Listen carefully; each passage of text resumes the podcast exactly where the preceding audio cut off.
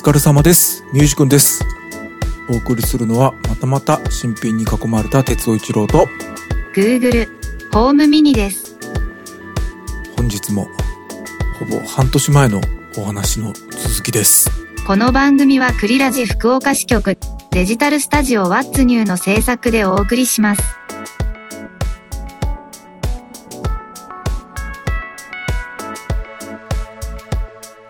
収録しておりますのは2021年6月24日木曜日22時48分53秒です。新年早々の配信でマイクが壊れ、ミキサーが壊れ、 Magic Trackpad が壊れ、椅子が壊れ、という配信をお伝えいたしました。その後、メガネが壊れ、マジックキーボードが壊れ、そして、ついに、ついにメインマシンの MacBook Pro が壊れました。2018年、ほぼ3年前の9月に MacBook Pro 13インチで CPU は Core i7 にアップグレードしてメモリーは 16GB にアップグレードして SSD も 1TB にというカスタマイズした MacBook Pro 13インチを導入しました。だったんですが期待したのにもかかわらず、えー起動が遅い。ここでちょっと嫌な予感がしたんですよね。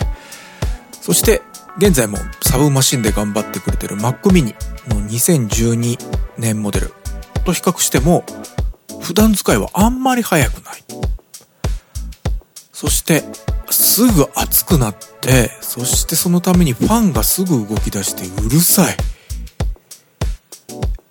そして端子がサンダーボルトの端子が4つあるんですが1つは電源供給に使うので実質3つしかなく。そうじゃなくてもハードディスク2つあるわ。オーディオインターフェースはあるわ。サブディスプレイ用に送るわ。えっと有線、えーイーサネットを使いたいわ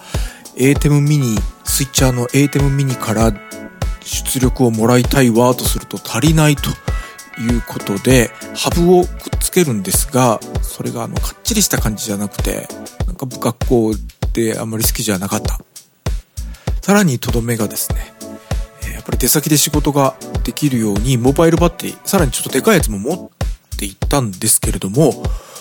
あまりにこの MacBook Pro 13インチ2018年モデルが大飯ぐらいででして、えーまともにバッテリーを挿していても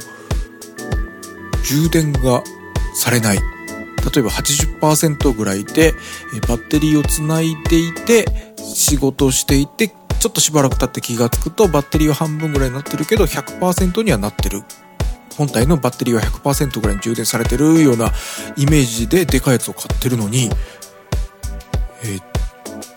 本体のバッテリーの減りが若干遅いという程度にしかならないというあたりでこれはあんまり持ち出せんぞという風になってしまいました。そして去年2020年ちょっと本体に傷をつけてしまいまして。いつも現行機種を下取りに出して追加金額を払って新しいやつを買うということで新規の購入金額を下げてはいたんですがこれで傷がついたので下取りに出せなくなったぞと。そして時代は CPU が今度大きく変わりまして M1 というまあ Apple の iPhone で鍛えられた Apple 独自の CPU 車でいうエンジンですねに変わったという大きな20年ぶりぐらいの代替わりなので、えーそれは興味もあったんですが、これは遠のいたぞと。変えるのはいつの日になるんだろうと落ち込んでおりました。で、えー最近、まあもうずっと持ち出さず、その後はずっと持ち出さず、うちでもうつなぎっぱなしにしてるという状態でした。で、時たまバッテリーを見ると、100%になってない時があり、あれ？と、ちょっと不安だぞと思っておりましたら、5月、先月の中旬頃ですね、1回だけですが、バッテリーを交換しろというアナウンスが出て、え、何繋いでるじゃんと。思って見たところ、バッテリー診断のところからバッテリー交換と。いうアラートが、まあ今出ると1回だけだったんですが、まあ出たんです。これがないと、このマシンがないと仕事ができませんので、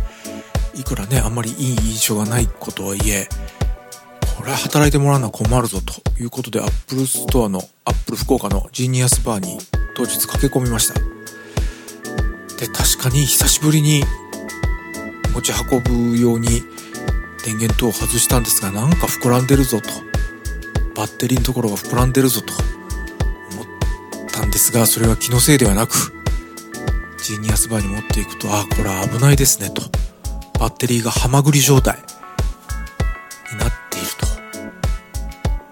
で、もう買ったのが3年前ですから、1年間の保証はとっくに切れてると。で、アップルの追加保証のアップルケアには入らないように私してるので、うわちゃと。これはいくらかかるんだと、修理に。というところだったんですが、なんと、ジニアスバーのスタッフの方がですね、えー、Apple Care に入っていなくても、この超基本的性能な部分に関しては、Apple プログラムって言ったかな？で、3年間は保証してくれると。で、3年まであと4ヶ月というところだったんですね。おっと、え、じゃあ修理していただいて、さらに無償なのと。無償ですと言っていただいたので、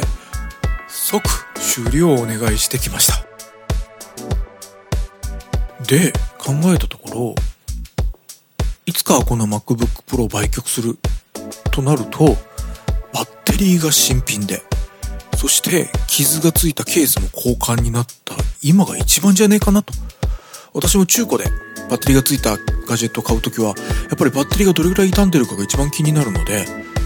で、今だとやはりその新しい M1 に対応、M1Mac に対応してないソフトを使ってる方とかだと、泣く泣く M1 興味があっても仕事用に M1 は買えないという方がいらっしゃるだろうなというのも想像つきますので、そういう時にね、私もそれで探してたとしてバッテリー未使用があったら、えー、それラッキーやんと、いうことになるんじゃないかなと思い、一番高値で売れるのは今なんじゃねえかなと、いうことに気がつきました。その時に、一時支援金の支給が決定と、もうこら行くしかないでしょうということで M1Mac 導入。とっても一番安い Mac mini なんですけれども、えー、M1Mac の導入を思いつきました。ただやっぱりその初代ものはトラブルが出たりして怖いと思ってたんですが、半年近く経ってもトラブルは聞こえてこない優秀ですし、あと接続のハブが、この M1Mac mini がですね、びっくりしたのに、端子が減ったんですよね。えー、と思っていたんですが、シミュレーションしてみると、今持っている機材はハブなしでぴったり端子が埋まると。余裕はないんですが、ぴったり埋まるということで、これはもう行けということだろうと。いうことで、踏み切っで今回が最初のレコーディングと。ということで今回もまた手前どもの初お目見ええー、聞いてる方には何の変わりもないはずなんですが、こちらからすると新しいシステムのお披露目という録音になっております。お付き合いいただきありがとうございます。まあでもですね、気持ち的に MacBook Pro が怪我した去年うわ売れんごとなった場合これは Mac mini 遠のいた場合とそして5月になって、ま、バッテリートラブルがあってうわ遠のいたところか修理代払えるか？というどん底から嘘修理無料？からええもう即え修理が東京まで持って行って帰ってくるのに1週間かからないぐらいだったのでうわ、もう修理終わったと？もしかしてバッテリー新品ってことは今が最高値のチャンスじゃね?から、支援、一時支援金支給やったと。すみません、今、イエーとやったが一緒になりましたが、そして行くなら今でしょというこの気持ちの盛り上がりは、まあ、ご縁があったというと聞こえはいいんですが、おじいちゃん気持ち的に疲れました。もうなんか運命の力を感じざるを得ないと。強制的に新しい世界に脱皮させられて連れて行かれそうな感じで何か変わりそうなんですが、まあ良い方に変わってほしいなと思っております。そうですね。